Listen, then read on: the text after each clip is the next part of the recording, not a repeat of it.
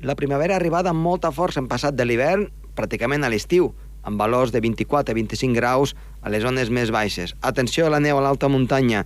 N'hi ha zones de més de 3 metres de neu acumulada i el perill de llaus és alt. Per tant, màxima precaució si fan excursions a l'alta muntanya. Comença el torn.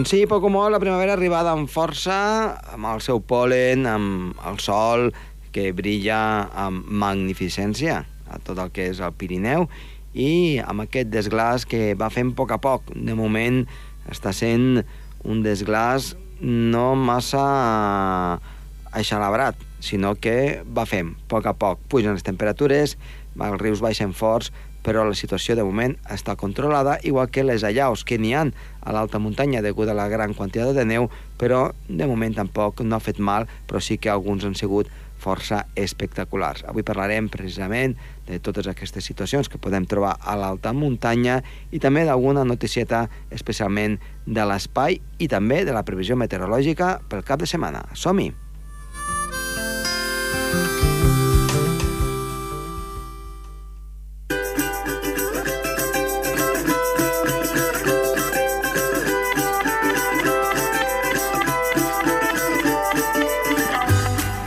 Iniciem el programa parlant amb Gerard Tauler. Gerard, molt bona tarda. Hola, molt bona tarda, Josep Tomàs. Què ens portes avui? Les diferències entre el clima atlàntic i el clima mediterrani. Molt bé. I quines diferències podem notar? Va, doncs, sobretot la principal diferència que explica en Javier Martín Vide, que és catedràtic de la Universitat de Barcelona, de Geografia, és la variabilitat de, de la precipitació, que és molt més important en el clima mediterrani, al voltant, que supera el, el 20%, uh -huh. la, la variabilitat anual, mentre que en l'Atlàntic és inferior al 20%. O sigui que hi ha, hi ha sequeres més fortes i, i els episodis d'inundacions són més importants eh, d'aiguats aquí al clima mediterrani que al clima atlàntic. Uh -huh. I això ve donat perquè, perquè és un mar petit, bàsicament, o...? Sí, però perquè estem a, més a prop de, de, de l'equador i, i també perquè és un mar petit i estem a sota vent de, la, de les muntanyes, no? de, que, que donen els vents més humits donen precipitació més regular, el vent de ponent, mm -hmm. Però la... a la zona de, de, de l'Atlàntic de la península ibèrica. D'acord, només l'Atlàntic de la península ibèrica, perquè ara estava pensant en general en tot l'Atlàntic, eh, doncs a, a la zona doncs, més que s'acosta cap al Carib, allí també tenen huracans, també estan força divertits, no? Sí. Però potser és més monòton. A part dels huracans no tenen res més. A on? A la zona de l'Atlàntic, tocant el Carib, diguem-ne, no? En quant a, a variabilitat respecte al Mediterrani.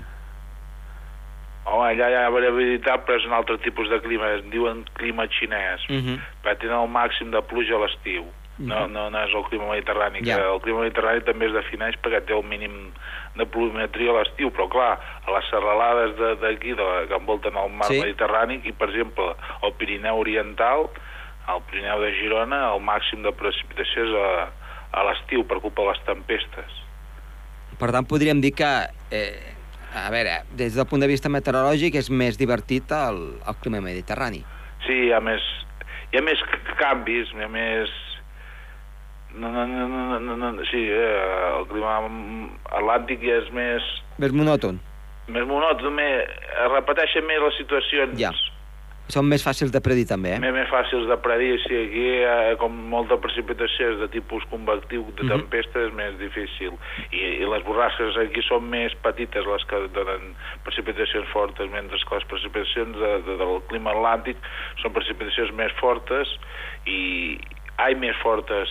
Les borrasques són més extenses Mhm. i, i com sovint eh, les zones de clima atlàntic són zones planes, es pot predir la- l'arribada d'un front a una hora determinada, com per exemple Holanda, és més, Mhm. més fàcil de predir les, el, el temps a les zones de clima atlàntic. Mm -hmm, que tenen tot el mar, tot l'oceà per, per poder veure Després com... una altra diferència, uau, normalment plou Sí. més a, a les zones de clima atlàntic, però Sí. per exemple aquí al Mediterrani de, de les zones a prop del mar Mediterrani a Croàcia, Eslovènia, hi ha zones que plou més de, de 2.000 litres, que plou més que en algunes zones de, de clima atlàntic o forces. Uh -huh. Per exemple, a París només plou 600 litres, i a París plou el mateix que a Barcelona, pas que a, a París plou 120 dies a l'any i a Barcelona només plou 70. Clar, Aquí està, plou més intensament. eh, està més repartit, diguem-ne, eh, amb, amb menys precipitació, no? Sí, sí, aquí quan plou, plou més intensament, quan plou més, més forma de tempesta i de, de ruixat, allà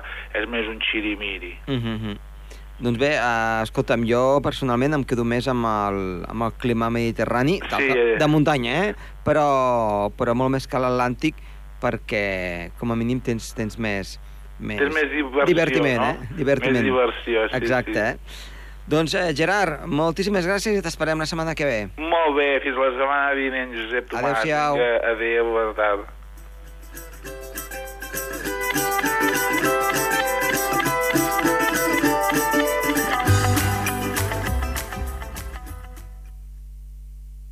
El Torb, amb Josep Tomàs.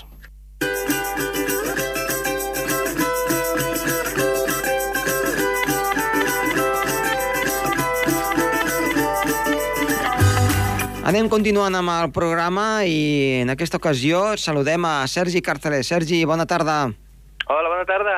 Doncs aquesta setmana tornarem una mica a repassar a veure com estan aquests nivells de polen. La primavera va avançant, comença a fer cada cop eh, més estabilitat, el sol pica de valent i pugen les temperatures. Doncs sí, i tots aquests factors que has estat dient, doncs, en principi afavoreixen a que les flors i les plantes, doncs, comencin a desenvolupar-se molt més ràpidament i tinguem, doncs, episodis de polen, que bé, és el que toca, perquè ara ja estem a la primavera, i bé, avui fem un petit repàs, un altre cop, Mhm. de com està l'estat del polen al País Andorrà, i, bueno, comentarem quins són els arbres i quines són les plantes que ara mateix tenen més polen, doncs per la gent que, Que que té aquestes al·lèrgies, doncs Mhm. vigilar. Molt bé. Llavors, eh, més que res, per començar, anem a les alertes més altes. I és que hi ha un arbre, que és el freixa, que està ara mateix en alerta 4 de 5, o sigui, és una alerta elevada, Sí. i es veu que ara mateix està en un dels moments més alts de floració i de polinització, i això doncs, ho podem, podem veure afectats, sobretot doncs, amb aquest polen en, en suspensió, no? Mhm. que no només ens pot afectar les vies respiratòries, sinó també, com heu comentat, doncs, taca bastant. No? El, pot tacar els cotxes, pot tacar les zones circundants, Mhm. I bé, aquest de moment és la planta que més, més elevada té ara mateix la polinització, però sí que és veritat que, per exemple, el xiprer torna a fer acte de presència Sí. i és que ara està amb alerta 3, 3 de 5, eh, ja és una mica, una mica bastant elevat, segurament és a causa doncs, no? de ara venen les altes temperatures, ve el sol, ve el bon temps, ve el de gel, i llavors doncs, tot això ajuda no? a, a, que, a que cada cop hi hagi més polen d'aquest tipus. Després, no sé si te'n recordes que el, fa ja unes setmanetes vam Mhm. parlar també d'uns fongs, que existeixen uns fongs, eh, que estaven en alerta 4.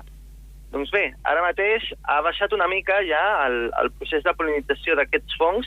Ara ja no és alerta 4, és alerta 3, però bé, estem parlant dels mateixos fongs que era l'alternària i el cladosporium. Uh -huh. vale? Mhm. Són dos fongs doncs, que ara mateix estan en un procés de, de polinització bastant elevat. I després ja bé, per comentar alguns més, però ja que estan en, en un risc eh, baix, val? Mhm. Estem parlant de l'alzina i el roure, que estan començant a treure el cap, l'avellaner, també eh, Clar. està començant a polinitzar, la parietària i el pi, sobretot el pi, no? Doncs ara que parlàvem del de gel, no? Tots aquests pins i... D'alta muntanya. Mhm. Ah, hi està, sí, que es comença a desfer el gel, no?, i comencen a treure el cap, també, llavors ja no estan enfonsats. I dos més, també tenim el pollancre i el salze. Ara mateix doncs, comencen també a treure el cap. La resta, de moment, estan bastant tranquils i, i de moment, tranquil·litat en aquest en l'àmbit de, de la Mhm. polinització. Per tant, eh, les, les gramínies, que són un, un, un dels pòlens que més afecta, de moment estan baixos, no? Molt baixos, Mhm. la veritat és que sí. Encara no, baixos. no ha fet el, la pujada forta, diguem-ne. Segurament hem d'esperar que es desgeli més, més una El- mica més, no? Els sí, la prats d'alta muntanya. Correcte. Molt bé, molt bé. Per tant, eh, diguem-ne que seria una situació continguda a l'espera doncs, al llarg d'aquesta setmana, amb la caloreta, a veure què és el que acaba passant per la, per la setmana vinent, a veure quina és, quina és la predicció. Ho anirem seguint perquè em sembla de, de, de molt interès per, per tothom que viu aquí al país i que pugui estar afectat per, per aquestes al·lèrgies. I també avui eh, es volia exportar un tema, no? Doncs sí, avui parlarem d'un tema que ara començarà també a ser recurrent en el Mhm. tema primavera i sobretot estiu. Parlarem del permafrost. Eh, és un tema que no tothom coneix, però bé, anem a explicar amb quatre paraules el que és el permafrost, on afecta, com pot afectar la societat i, i bé, com evolucionarà Molt bé. durant aquestes setmanes. Uh -huh.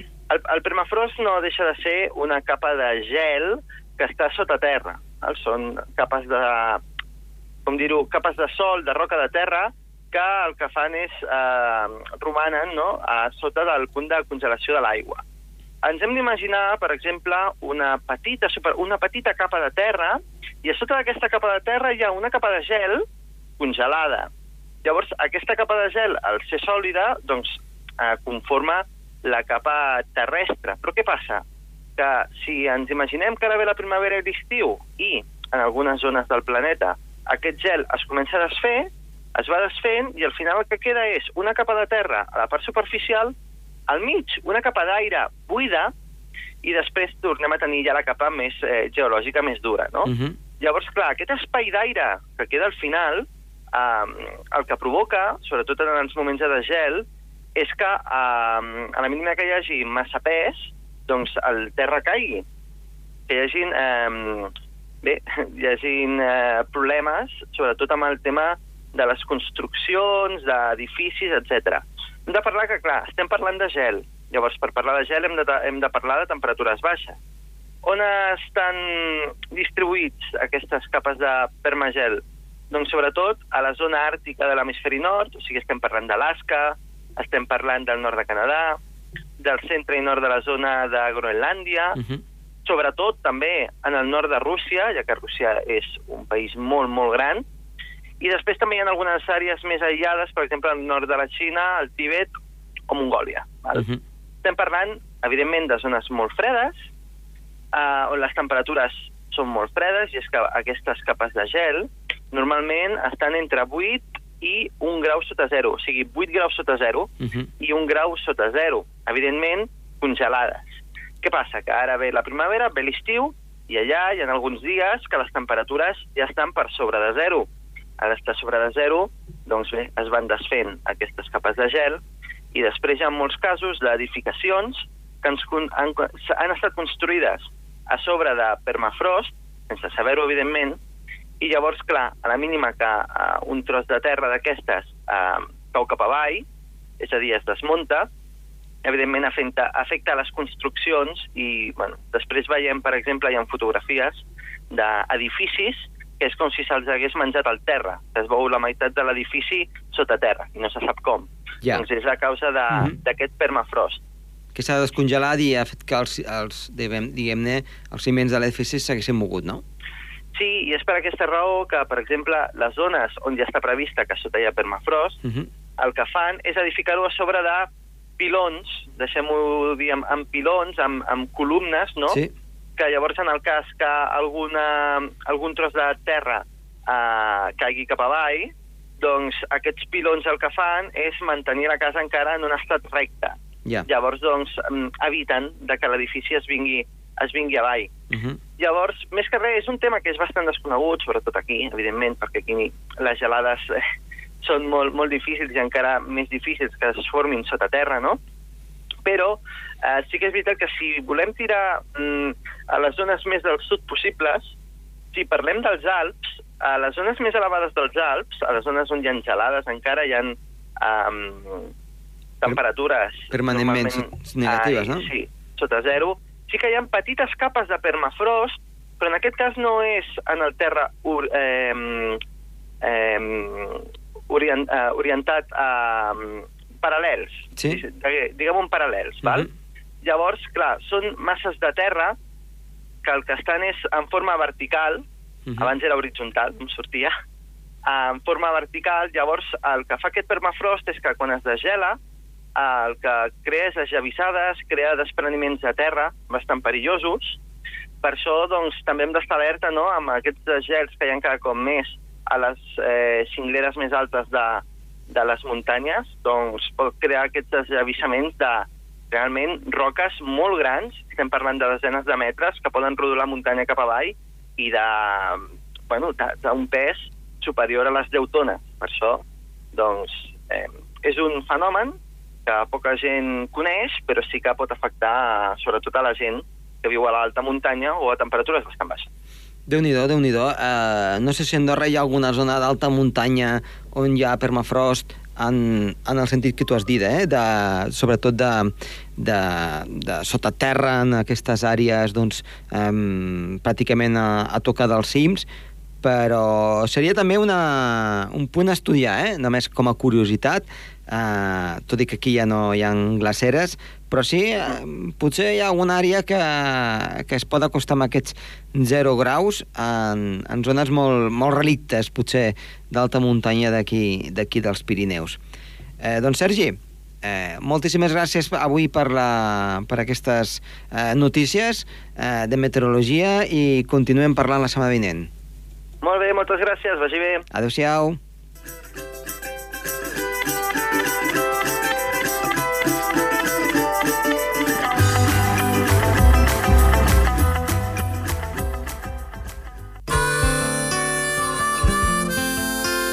El Torb, amb Josep Tomàs.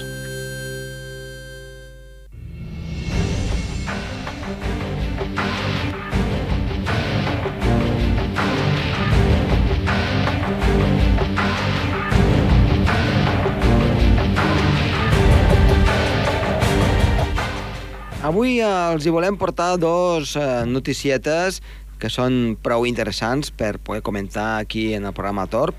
La primera d'elles parla de la sonda Mars Express. És una sonda que fa ja 15 anys que està en òrbita al voltant de Mart. Aquesta sonda europea necessitava urgentment una actualització per poder comunicar-se amb la Terra. I així s'ha fet. L'Agència Espacial Europea eh, va anunciar que aquesta nau ha estat reprogramada des del seu centre de control, atenció, amb una distància de 150 milions de quilòmetres. Per tant, no aquí mateix, sinó molt lluny. És la distància a la que es troba ara mateix el planeta Mar. Aquest objectiu és de, de moment conservar intacte el sistema que permet orientar la nau, els seus instruments eh, que estan doncs, visionant tot el que és la superfície de mar i també eh, girant la seva antena cap a la Terra. Eh, veritablement eh, no se sabia si això eh, hagués estat possible perquè la distància doncs, és molta i triga bastant en arribar a aquesta senyal, però finalment sembla que això ha pogut ser. Hem de pensar que aquesta nau espacial, la Mars Express, la seva primera missió va ser el juny del 2003, que va ser quan va ser llançada a l'espai i va, va fer una sèrie d'experiments entre un, un dels quals va ser mirar com un dels uh, petits, uh, diguem-ne, satèl·lits que té aquest planeta Mar, que és el Phobos, tenia indicis d'aigua i també de metà, un cas que podria tenir potser un origen biològic, entre d'altres experiments que han anat fent durant tots aquests anys. Així doncs, aquests giroscòpics que estan dintre d'aquesta nau espacial han pogut ser reprogramats i, per tant, eh, si no hagués estat així, s'haguessin pogut trencar. Gràcies a això, doncs, aquests sensors, ara, doncs, que medeixen la rotació, en aquest cas de la nau espacial, fa que puguin continuar treballant amb tota tranquil·litat, com a mínim fins al gener entre el gener i el juny de l'any 2019. Després ja es veurà doncs, que, quin ús eh, se li dona. Durant diversos mesos, a l'equip de l'ESA, de l'Agència Espacial Europea, han programat un nou software mm, i l'han enviat amb aquesta nau. Així, diguem-ne, ha sigut com un transplant de, de tot el servei eh, operatiu de la Mars Express, que això no és pas fàcil, sinó que és, és força difícil. A més a més, enviar-ho a l'espai i que arribi amb tota nitidesa i que pugui ser implantat eh, sense cap problema. Per tant, eh, un èxit més de l'Agència Espacial Europea també ha tingut altres fracassos, però de moment en aquesta, amb aquesta Mars Express que ens dona una visió molt acurada de tota la superfície de mar, doncs de moment està salvada i ja hi pot continuar treballant a enviar-nos aquestes boniques imatges de la superfície del planeta Mar. Ara ens anem cap a una notícia, si més no, força curiosa, d'uns científics molt visionaris. Imaginen vostès que fan alguna cosa amb un termini de dos milions d'anys, no pas un any o dos, sinó a dos milions d'anys. Doncs això és el que estan plantejant una sèrie de científics de la Universitat de Califòrnia de Santa Bàrbara. I és que porten un parell de projectes, un nord-americà i un altre rus, per enviar sondes a exoplanetes, per tant, a l'espai exterior. Són aquests planetes que podrien albergar vida. I com ho farien? Amb petites sondes que anessin a una velocitat del 20% de la llum, la qual trigaria aproximadament, per exemple, amb arribar a Alfa Centauri, que està a, 20, a 4 anys llums, per tant, trigaria 20 anys en arribar, amb, amb una sèrie de bacteris en, en aquestes petites ondes, les quals doncs, plantessin, si més no, la vida en altres planetes, o sigui, l'exportéssim, el que seria una exportació de vida a altres planetes. Per què? Doncs perquè així, a poc a poc, aquesta vida s'anés desenvolupant i si mai tinguessin que marxar del planeta Terra, eh, si anessin cap allí, ja estés, diguem-ne, la cosa força feta. Evidentment, és una situació a molt llarg termini, per això aquest llarg termini són dos milions d'anys. Però no és tan disparatada la idea si tenim en compte que la població cada cop creix més i els recursos naturals pot arribar un moment en què s'arribin a esgotar i, per tant, hem de fer alguna cosa per poder marxar del planeta Terra. L'estrella més a prop és Alfa Centauri i, per tant, seria una bona, un bon projecte aquest a molt llarg termini. Enviar sondes espacials amb una sèrie de microorganismes que anessin preparant tant el planeta com les atmosferes d'aquests nous sistemes solars per poder albergar-hi vida. Evidentment, amb dos milions d'anys segurament la ciència haurà avançat molt més i s'hi podrà viatjar molt més ràpid. Per tant, queda dit, una situació com aquestes, a dos milions d'anys, eh, ja s'està doncs, portant a terme, o si més no, sobre el paper, per d'aquí a un temps poder-ho portar a terme de manera doncs, física. Si més no, amb unes primeres sondes cap a aquests planetes.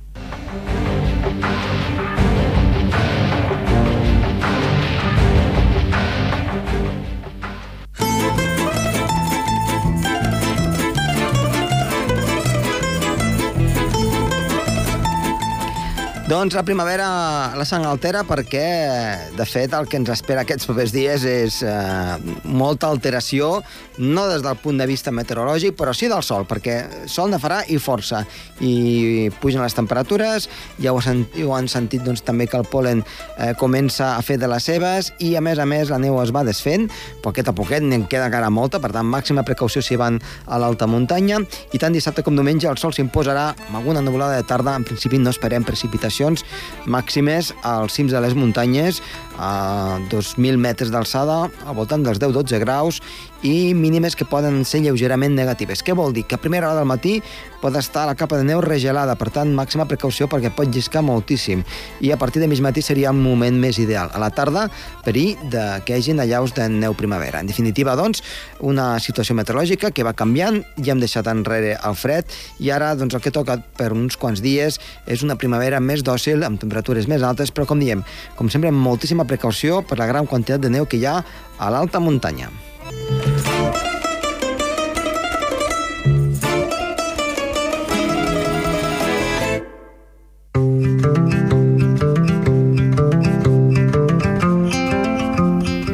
Doncs amb aquests dies primaverals, avui ja els hi diem adeu. Esperem que els hagi agradat el programa. Està de les vies de so, Toni Escur, i qui els ha parlat de molt de gust, Josep Tomàs. Adéu-siau. Adéu-siau.